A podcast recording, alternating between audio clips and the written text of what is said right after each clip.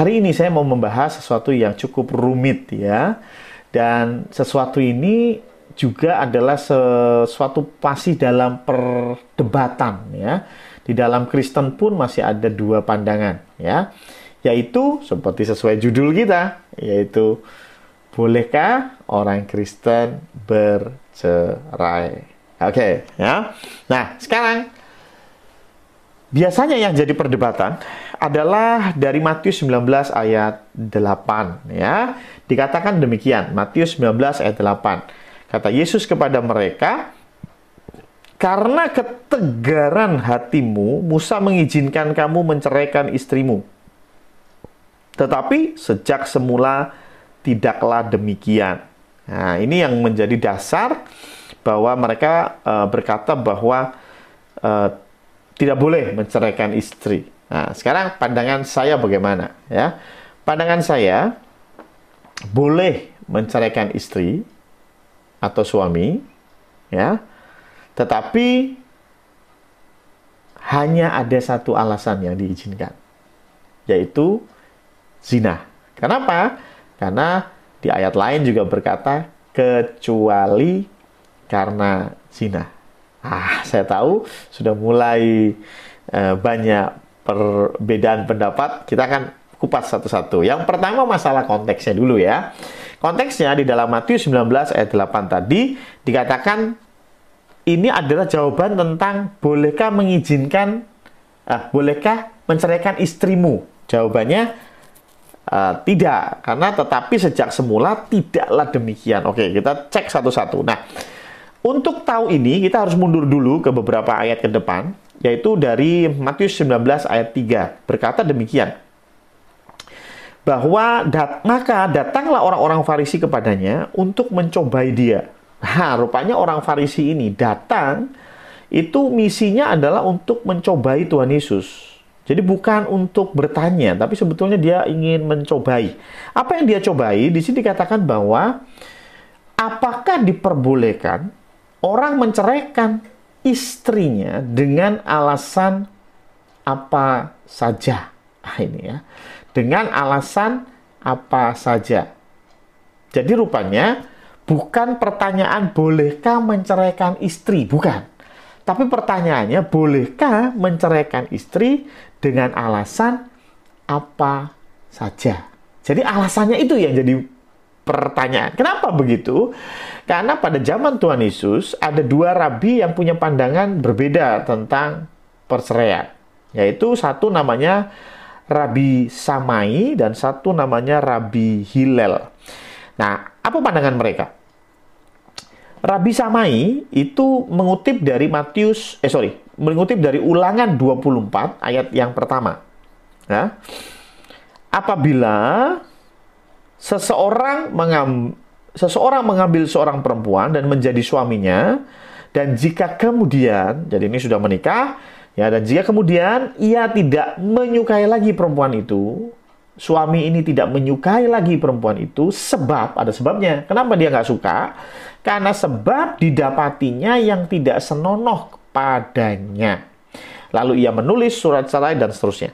Artinya uh, Rabi Samai ini menekankan bahwa boleh menceraikan istri dengan alasan ini didapatinya yang tidak senonoh. Apa itu tidak senonoh? Ini berbicara tentang dosa seksual. Ya. Misalnya nih, istrinya suka pakai pakaian seronok, istrinya suka ngodain laki-laki gitu ya. Istrinya suka ah genit begitulah ya. Nah, ini bisa jadi alasan ya bagi sang suami untuk menceraikan istri. Ya. Karena sekali lagi alasannya adalah tidak senonoh atau misalnya ada kelainan seksual itu juga diperbolehkan untuk menceraikan istri. Ini Rabi Samai. Tapi Rabi Hilal ini berbeda. Ya. Rabi Hilal ini diambil dari ulangan 24 ayat yang ketiga. Dan jika laki-laki yang kemudian ini tidak cinta lagi kepadanya, tidak cinta lagi kepada istrinya, jadi alasan untuk bercerai itu tidak cinta lagi. Nah, kalau tidak cinta lagi itu bisa semua alasan. Ya, saya tidak cinta lagi istri saya karena apa? Karena dia gedut, tidak masalah. Ya. Kenapa saya tidak? Eh, saya nggak cinta lagi istri saya kenapa? Karena dia sekarang tua. Gitu. Itu boleh. Ya, itulah mengapa Rabi Hilal sebetulnya dia mengizinkan untuk menceraikan istri dengan alasan apa saja. Dan itu persis seperti apa yang dikutip di Matius 19 ayat 3. Apakah diperbolehkan orang menceraikan istrinya dengan alasan apa saja? Artinya mereka bertanya kepada Tuhan Yesus, pengajarannya Nabi Hilal, you setuju nggak? Ah, kurang lebih begitu, ya. Karena ini pengajarannya Nabi eh, Rabi Hilal, yaitu dengan alasan apa saja. Sekarang perhatikan jawaban Tuhan Yesus. Matius 19 ayat 4, ya. Jawab Yesus, "Tidakkah kamu baca bahwa ia yang menciptakan manusia sejak semula menjadikan mereka laki-laki dan perempuan dan firmannya sebab itu laki-laki akan meninggalkan ayah dan ibunya dan bersatu dengan istrinya sehingga keduanya itu menjadi satu daging. Bicara tentang satu daging itu juga bicara tentang hubungan seksual karena ini penting ya. Saya tekankan dulu ya. Jadi bicara satu daging itu bicara hubungan seksual. Ya. Demikianlah mereka bukan lagi dua, melainkan satu. Karena itu apa yang telah dipersatukan Allah tidak boleh diceraikan manusia. Ya. Jadi ketika ditanya apakah boleh bercerai dengan alasan apa saja, jawaban Tuhan Yesus adalah itu tadi. Apa yang dipersatukan oleh Allah tidak boleh diceraikan manusia, ya. Nah, jawaban ini memancing pertanyaan lain, yaitu ada di ayat ketujuh. Kata mereka kepadanya, jika demikian, ya, apakah sebabnya Musa memerintahkan untuk memberikan surat cerai jika orang menceraikan istrinya?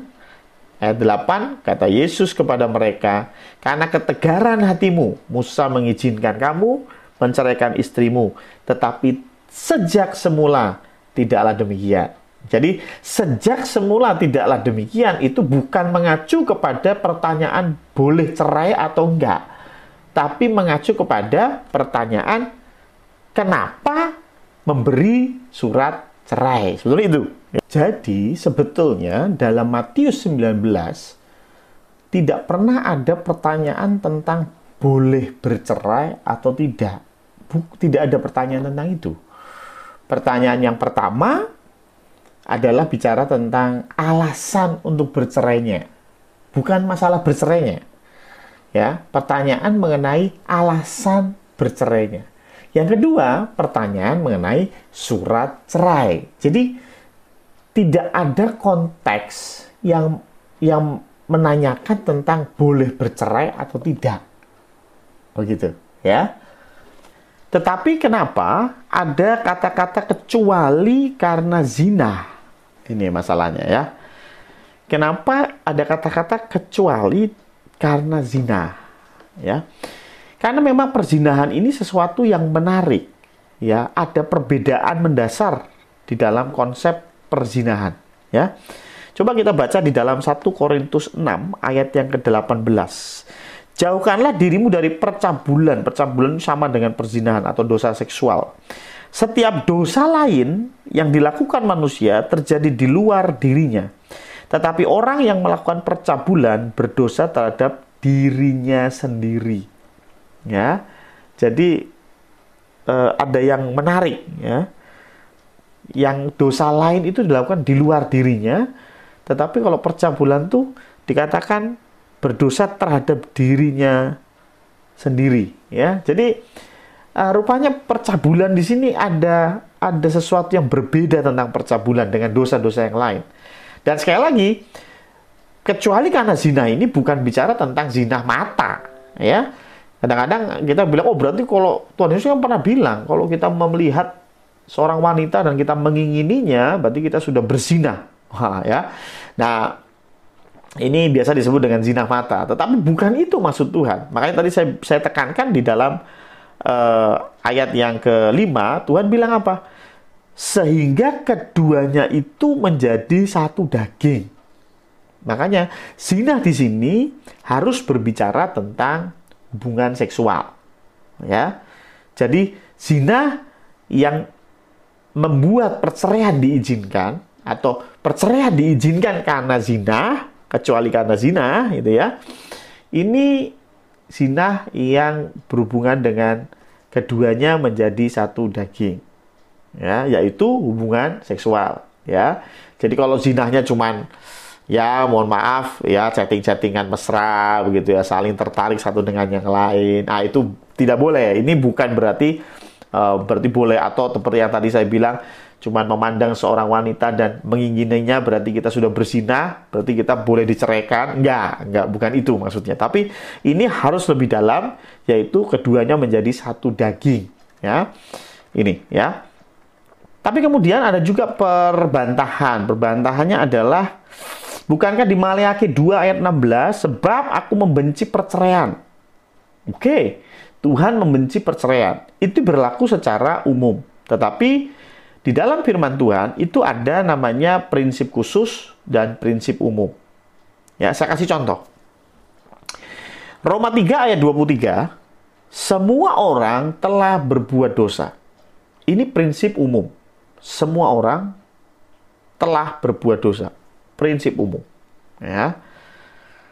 Tetapi kita tahu bahwa Tuhan Yesus Kristus itu 100% manusia, itu iman Kristen. Ya, iman Kristen, Tuhan Yesus Kristus 100% manusia. Tetapi dia tidak berdosa. Apakah berarti ini bertentangan dengan Roma 3 ayat 23? Tidak. Karena Yesus Kristus itu prinsip khusus. Ya, saya saya, saya kasih contoh lain ya. Ibrani 9 ayat 27. Dan sama seperti manusia ditetapkan untuk mati hanya satu kali saja. Jadi manusia ditetapkan untuk mati hanya satu kali saja. Apakah ada manusia yang mati lebih dari satu kali? Ada. Itu yang mati suri. Habis mati bangkit lagi terus mati lagi. Ya, tapi kita kembali ke Alkitab saja ya. Ya, nggak usah bicara yang di luar Alkitab ya. Di Alkitab banyak kejadian bagaimana ada mujizat orang mati dibangkitkan. Katakanlah Lazarus. Lazarus itu mati. Terus dibangkitkan oleh Tuhan Yesus. Saya mau tanya, mati lagi nggak? Mati lagi. Berarti Lazarus mati berapa kali? Dua kali. Berarti nggak nggak cocok dengan Ibrani 9 ayat 27 yang mengatakan bahwa semanusia ditetapkan mati hanya satu kali. No, bukan. Mati hanya satu kali itu umum. Tetapi Lazarus itu khusus. Pemuda dari Nain yang dibangkitkan Tuhan Yesus itu juga khusus. Ya, begitu juga ada orang yang nggak pernah mati. Oh ya, ya nggak pernah mati. Ya, bukan uh, apa Dracula ya, yang makhluk immortal ya, bukan ya. Tetapi ada dua orang namanya Henok dan Elia. Henok itu terangkat Elia juga dijemput oleh kereta berapi. Jadi mereka nggak pernah mati, gitu ya. Ya, berarti apakah nggak pas dengan Ibrani 9 ayat 27? Bukan, tapi ini ada yang namanya prinsip umum, ada namanya prinsip khusus, ya. Saya kira jelas. Jadi kalau kita bicara Maleaki berkata Tuhan membenci perceraian, itu prinsip umum. Tetapi prinsip khususnya kecuali karena zina. Ya, saya harap ini paham. Sekarang yang kedua, ya, kedua bicara begini, bahasa, ya. Dalam bahasa Yunani itu ada dua yang berbeda, yaitu uh, porneia dan moikeia. Porneia itu apa? Porneia itu dan dari kata itu jadi porno ya, pornografi dan sebagainya. Itu pornea. Pornea itu perzinahan yang dilakukan ketika dua-duanya itu tidak terikat pernikahan ya. Jadi yang cowok itu juga uh, single, yang cewek juga single, terus melakukan hubungan seks ya atau perzinahan. Dan ini disebut dengan porneia. Ya, ini menurut menurut beberapa tafsir Alkitab ya. Sehingga uh, contohnya misalnya uh, orang pacaran yang terlalu jauh ya akhirnya uh, sampai melakukan hubungan seks, berarti kan mereka ya yang laki nggak punya istri, yang perempuan juga nggak punya suami ya, tapi mereka berhubungan uh, seksual atau berzina, nah ini namanya porneia. Tapi moikeia itu adalah orang yang sudah menikah, tapi melakukan hubungan seksual tidak dengan pasangannya, gitu ya. Jadi suami orang sama istri orang, gitulah ya, e, melakukan persinahan itu namanya moikeia. Ya. Nah, kalau kita lihat dari Matius 19 ayat 9, tetapi aku berkata kepadamu, barang siapa menceraikan istrinya, kecuali karena zina. Nah, zina yang pertama itu disebut porneia. Ya, barang siapa menceraikan istrinya kecuali karena porneia, lalu kawin dengan perempuan lain, ia berbuat zina. Zina yang kedua itu moi keia. Ya. Jadi apa maksudnya? Ya. Jadi gini, boleh menceraikan istri, boleh menceraikan istri karena zina porneia. Karena zina yang dilakukan di luar ikatan pernikahan. Maksudnya apa? Maksudnya begini. Contoh nih, suami istri, eh sorry, uh, tunangan, terus jadi suami istri, uh, malam pertama ketahuan bahwa istrinya itu tidak perawan. Contoh. Nah, berarti kan istrinya ini pernah melakukan porneia. Ya kan? Ya nggak tahu sama siapa. Ya, tapi istrinya ini pernah melakukan porneia. Nah, suaminya boleh menceraikan istrinya itu. Nah, ini ini tafsirannya seperti itu karena masalah bahasa. Ya, apakah benar seperti itu?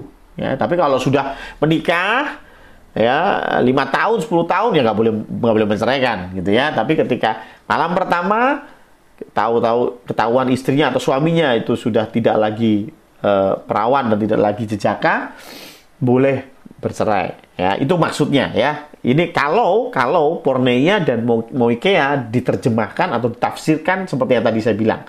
Porneia adalah persinahan yang dilakukan di luar pernikahan, moikea adalah persinahan yang dilakukan dalam ikatan pernikahan. Nah, apakah betul seperti itu? Ada beberapa ayat yang juga menulis hal yang uh, kurang lebih seperti itu ya, yang supaya kita bisa membandingkannya. Contohnya 1 Korintus 5 ayat 1 ya. Memang orang mendengar bahwa ada percabulan, porneia. Ini pakainya porneia. Di antara kamu dan percabulan itu begitu rupa. Dan porneianya begitu rupa. Seperti yang tidak terdapat sekalipun di antara bangsa-bangsa yang tidak mengenal Allah. Yaitu bahwa ada orang yang hidup dengan istri ayahnya. Hidup dengan istri ayahnya. Berarti pihak perempuan sudah punya suami belum? Sudah. Berarti kan ini persinahannya dilakukan dalam ikatan pernikahan. Tapi ditulisnya ini porneia. Kalau teori yang tadi saya sampaikan itu tepat, harusnya ditulis moi keia. Dan yang kedua, ya, kita ambil dari Wahyu 2 ayat 20, ya. Saya baca ya. Tetapi aku mencela engkau karena engkau membiarkan wanita Isabel yang menyebut dirinya nabiah mengajar dan menyesatkan hamba-hambaku supaya berbuat zina berbuat por neusai ya berbuat zina berbuat por neusai dan makan persembahan persembahan berhala. Berarti ini dari kata porneia ayat 21 dan aku telah memberikan dia waktu untuk bertobat tetapi ia tidak mau bertobat dari zinahnya dari porneias pakainya juga porneia ya Ayat 22, lihatlah aku akan melemparkan dia ke atas ranjang yang ranjang orang sakit dan mereka yang berbuat zina, mereka yang berbuat moi kewintas.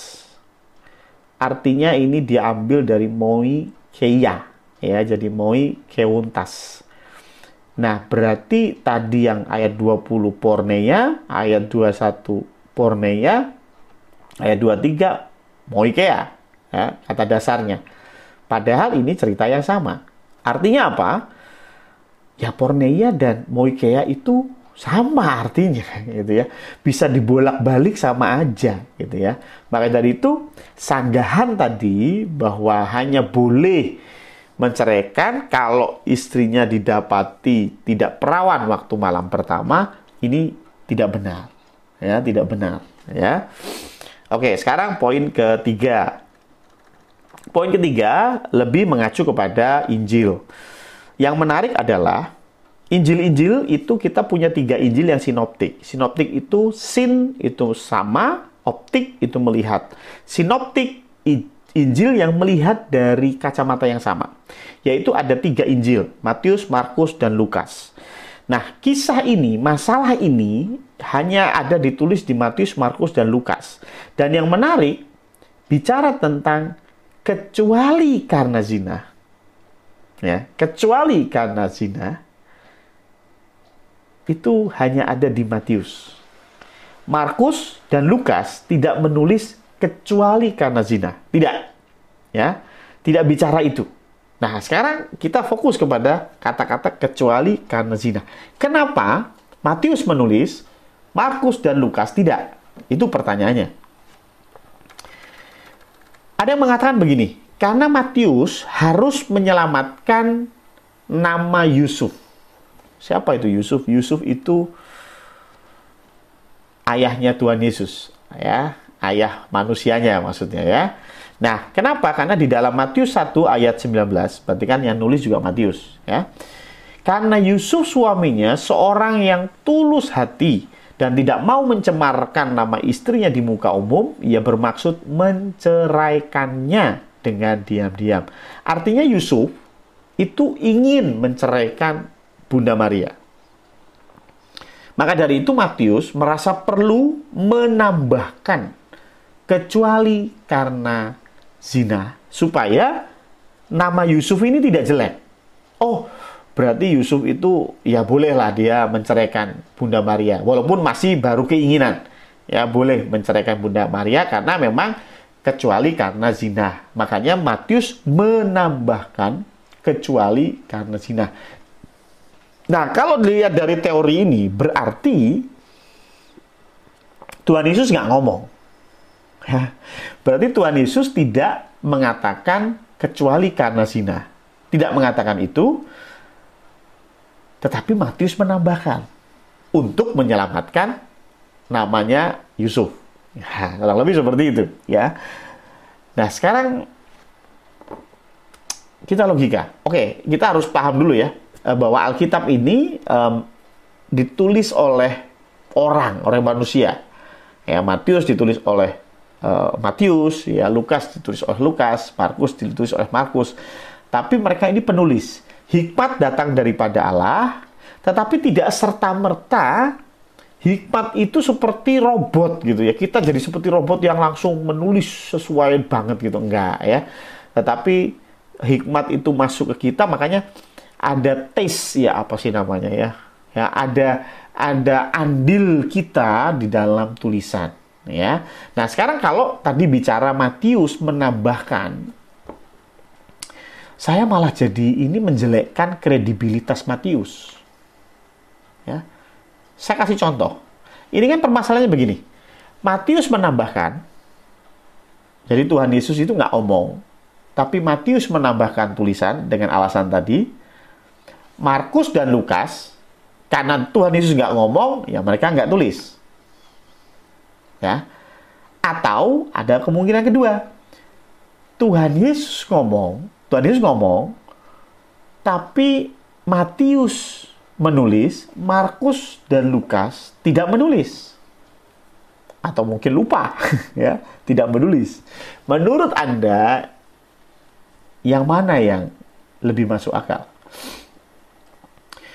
Saya kasih contoh sederhana, ya. Kalau kita mendengarkan arahannya atau apa informasi mengenai COVID ya yang setiap malam itu ada di TV ya disampaikan panjang lebar. Setelah itu tentu kita nggak langsung hafal semua ya apa yang diomongin gitu ya. Kemudian ada orang yang tanya, eh tadi COVID-nya bagaimana nih? Nah, kalau kita nambahin apa yang tidak disampaikan, gitu ya.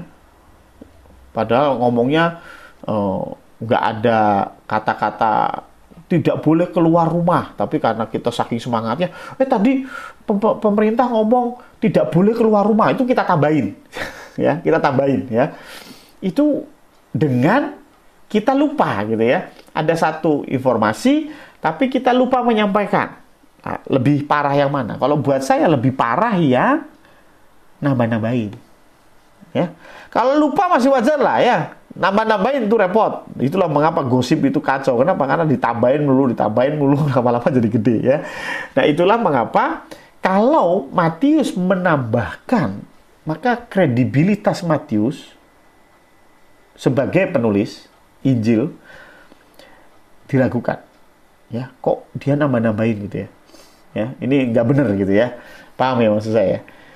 Paham ya? Atau mungkin wartawan nambah-nambahin kali kalimat pasti akan jadi masalah ya, karena ini kredibilitasnya eh, diragukan. Tapi kalau lupa menuliskan ya oke okay lah ya.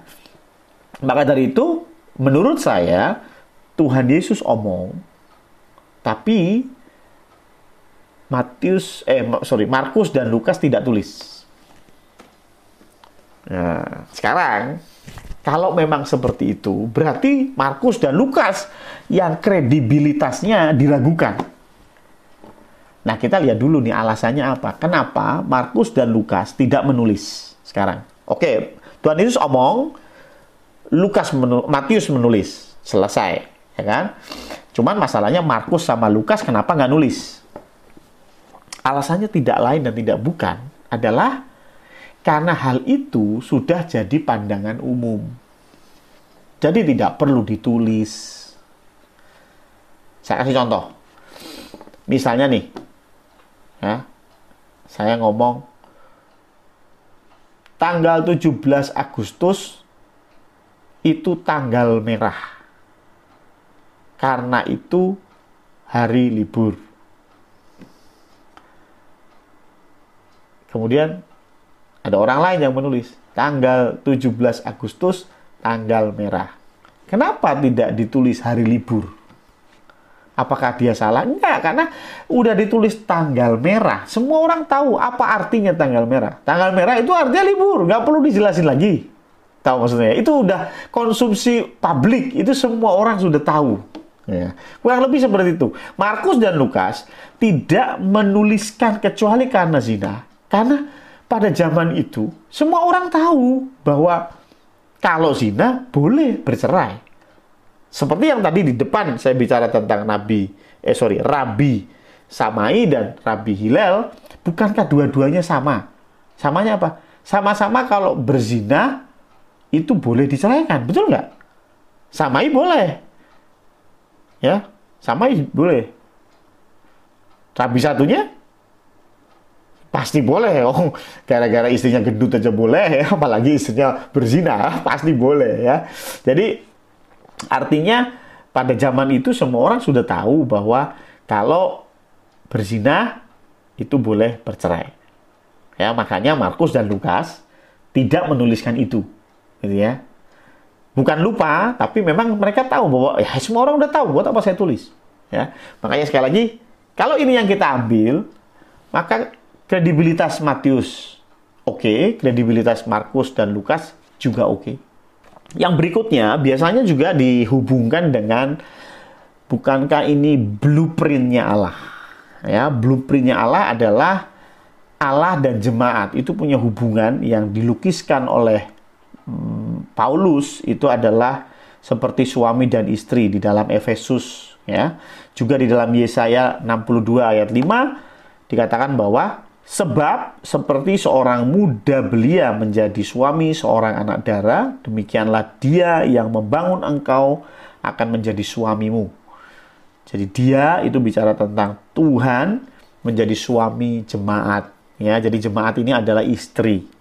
Efesus 5 ayat 31 juga Rahasia ayat 32. Rahasia ini besar, rahasia tentang pernikahan. Tetapi yang aku maksudkan ialah hubungan Kristus dan jemaat. Makanya di dalam Efesus juga disampaikan bahwa uh, seorang suami harus mengasihi istri seperti Kristus mengasihi jemaat. Seorang istri harus tunduk kepada suami seperti jemaat tunduk kepada Kristus. Artinya Kristus itu seperti suami dan uh, jemaat itu seperti istri. Nah, sehingga mereka berkata bahwa nggak mungkin, nggak mungkin boleh cerai dan tidak boleh cerai karena di 2 Timotius 2 ayat 13, jika kita tidak setia, bicara tentang perzinahan itu bicara tentang tidak setia.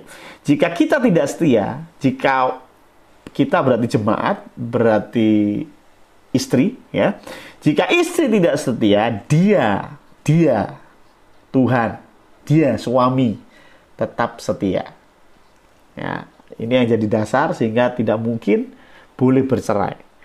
Ya, karena ayat ini, ya, bahwa kita ini suami istri itu adalah blueprint dari hubungan Tuhan dengan jemaat.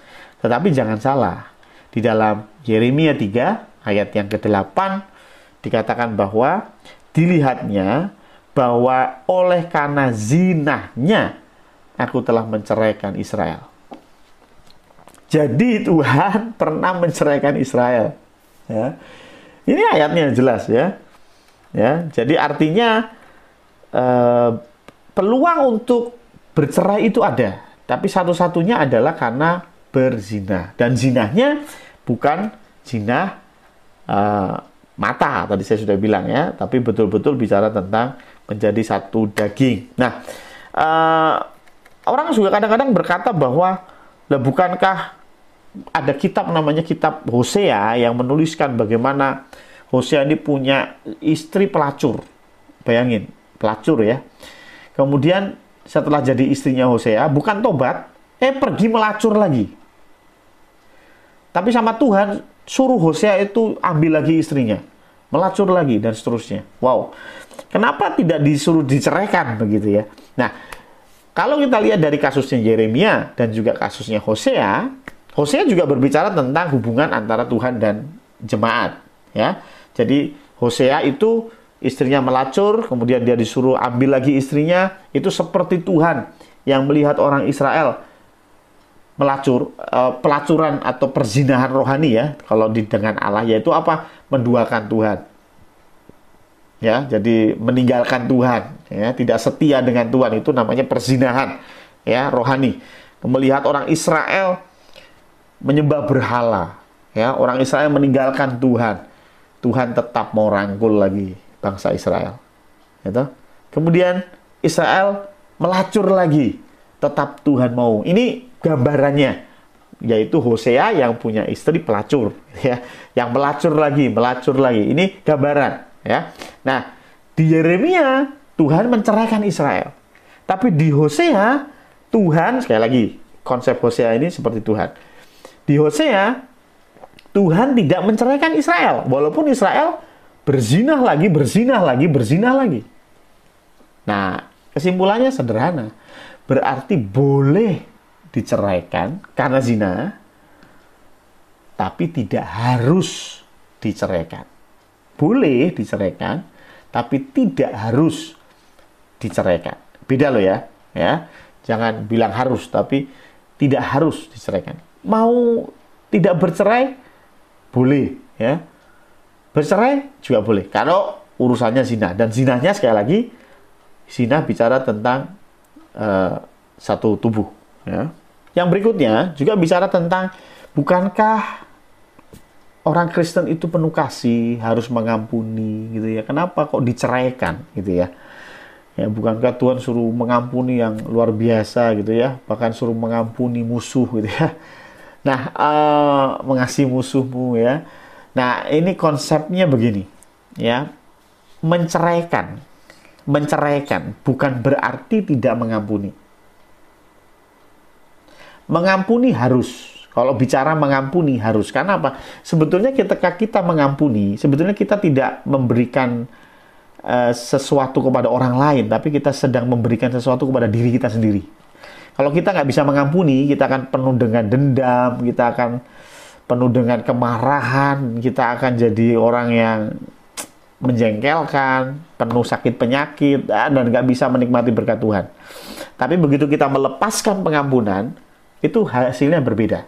Ya, maka dari itu kalau bicara tentang perselingkuhan atau perzinahan tadi di antara suami istri, pengampunan harus tapi bukan berarti ditaruh di posisi yang sama. Jadi pengampunan itu bukan berarti harus ditaruh di posisi yang sama. Saya kasih contoh aja dah daripada kita bingung ya. Ada suami istri, suaminya selingkuh, cuman karena alasan ya nggak enak dilihat tetangga, gimana nasib anak-anak dan lain sebagainya, kemudian mereka tidak bercerai. Tetapi tidak ada pengampunan. Bahkan istrinya jadi ikutan bercerai dan eh sorry istrinya ikutan berselingkuh dan ketika istrinya ditanya kenapa kamu selingkuh, saya pengen supaya suami saya tahu gimana rasanya diselingkuhin. Waduh ya. Berarti ini si istri ini belum mengampuni suaminya. Ya mungkin suaminya selingkuhnya 10 tahun yang lalu tapi sampai sampai puluhan tahun masih dibawa dendam itu. Nah, ini nggak boleh. Ini nggak boleh ya. Kalau memang kau mau menempatkan pasanganmu di posisi semula, boleh. Saya kan tadi bilang nggak harus diceraikan, boleh. Tapi pengampunan wajib, ya Jangan hanya kedok karena ya nggak enak dilihat tetangga, nggak enak dilihat orang, sehingga engkau tetap bertahan, tetapi tidak ada pengampunan. Itu yang salah, ya. Tapi kalau memang engkau merasa nggak bisa jadi posisi dijadikan pasangan hidup nggak bisa, ya sudah nggak masalah, cerai. Tapi tetap ampuni. Ketemu dengan dia, just say hello, ya. Jangan terus, wah sepertinya marah sekali ya, dendam sekali nggak perlu ya. Jadi pengampunan itu harus, tetapi tidak harus diletakkan di posisi yang seharusnya atau posisi mula-mula atau awal ya. Oke, saya akan kasih analoginya ya. Misalnya engkau punya apa ya anak buah begitu ya, engkau punya uh, apa namanya uh, orang anak anak buah yang kau percaya kemudian dia ambil duitmu, dia balik minta ampun, gitu ya, kau ampuni, terus dia ambil duitmu lagi, dia balik minta ampun, kau ampuni.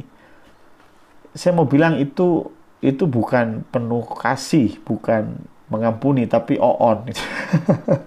nah, maksud saya begini, ya, ya harusnya kalau dia datang lagi minta pekerjaan kepadamu, jangan taruh dia di posisi yang sama dong Come on. Kalau tadinya dia kasir, ternyata dia ambil duit ya, duit dagangan. Ketika dia minta ampun, kamu ampuni, dia minta pekerjaan, kamu kasih pekerjaan, tapi saran saya jangan taruh dia di kasir lagi ya.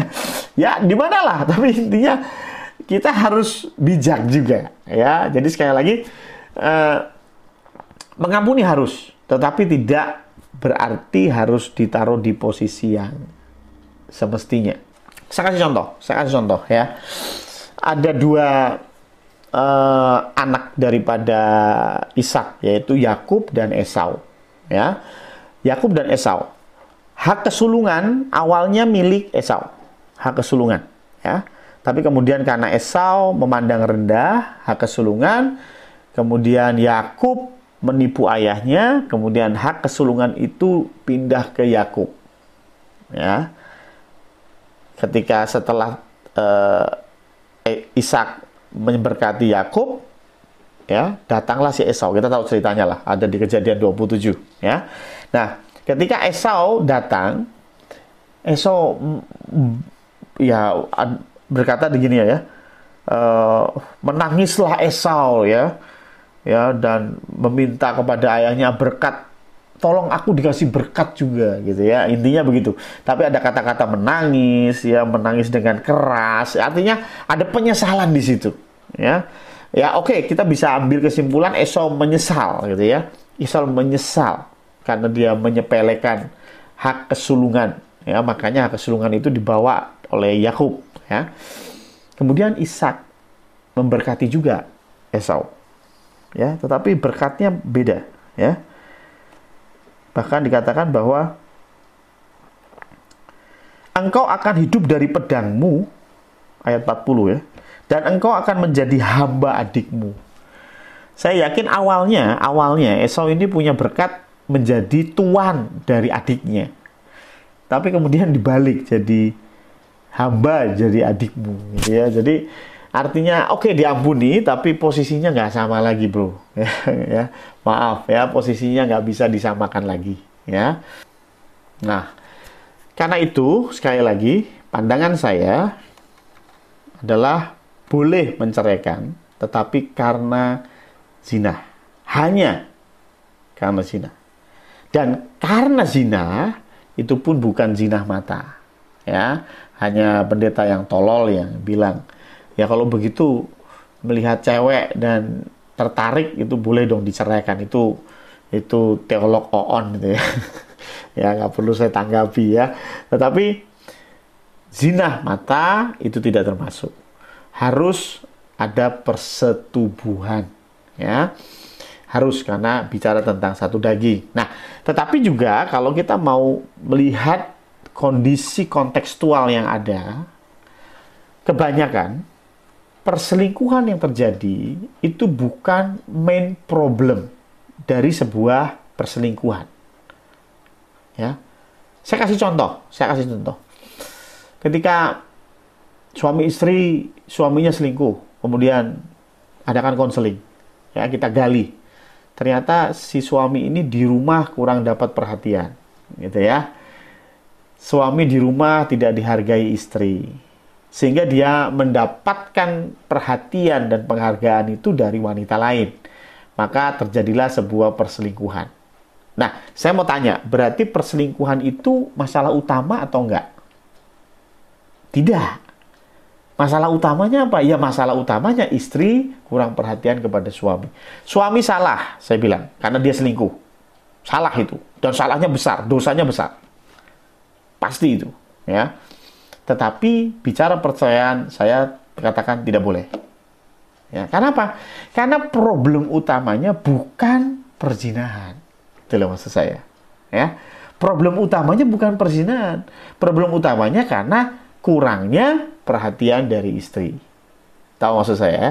Jadi jangan serta-merta ketika suami istri, istrinya selingkuh atau suaminya selingkuh langsung wah berarti boleh cerai sebentar ya.